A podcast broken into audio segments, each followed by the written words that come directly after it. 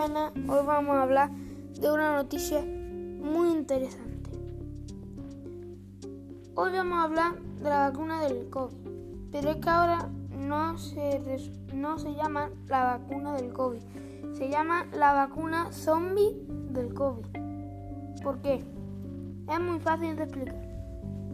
Los que crearon la vacuna le inyectaron parte de zombie y ahora la gente de riesgo y mucha gente que no son de, de riesgo se están convirtiendo en zombies. Pero para prevenirlo hay muchas maneras. Por ejemplo, para los niños o para los adultos, pero fundamentalmente para los niños, por la mañana nos podemos tomar un vaso de leche. Y para cuando vayamos al colegio, en el recreo nos podemos llevar una pieza de fruta. Luego, para la tarde, con una simple manzana y pera, tendremos más que de sur.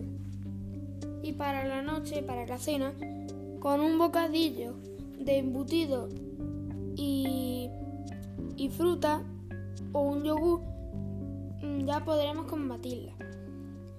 Esto es una cosa muy rara, la vacuna zombie del COVID.